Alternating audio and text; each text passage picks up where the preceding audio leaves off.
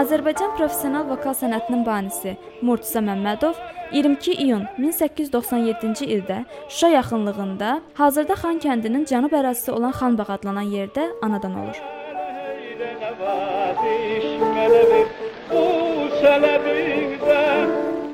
Səhnə fəaliyyətinə 1916-cı ildən başlayan sənətkar 1920-ci ildən Azərbaycan Dövlət Akademik Opera və Balet Teatrının solisti olur. Qeyri-adi dərəcədə məlahətli səsinə görə xalq tərəfindən ona Bülbül adı verilir. Fəaliyyətinin ilk illərində Üzeyir Hacıbəyovun Leyli və Məcnun, Əsli və Kərəm, Zülfüqar Hacıbəyovun Aşıq Qərib operasında oynayır.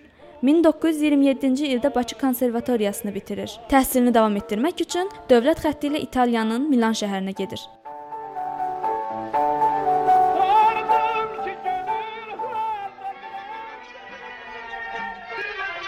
Təhsilini başa vurub Bakıya qayıtdıqdan sonra 1932-ci ildə öz təşəbbüsü ilə Azərbaycan Dövlət Konservatoriyası nəzdində Azərbaycan musiqisini öyrənən elmi tədqiqat kabineti yaradır.